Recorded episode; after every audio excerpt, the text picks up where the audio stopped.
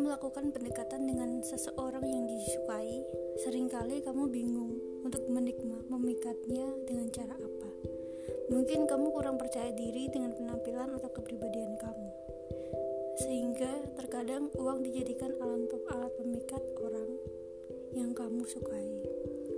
Karena kamu berpikir semua orang pasti mau jika dibiayai sehingga hingga diberi kado mahal. Tidak salah, namun tidak sepenuhnya benar. Berikut ini adalah lima penyebab uang tidak bisa membeli cinta. Coba refleksikan ya.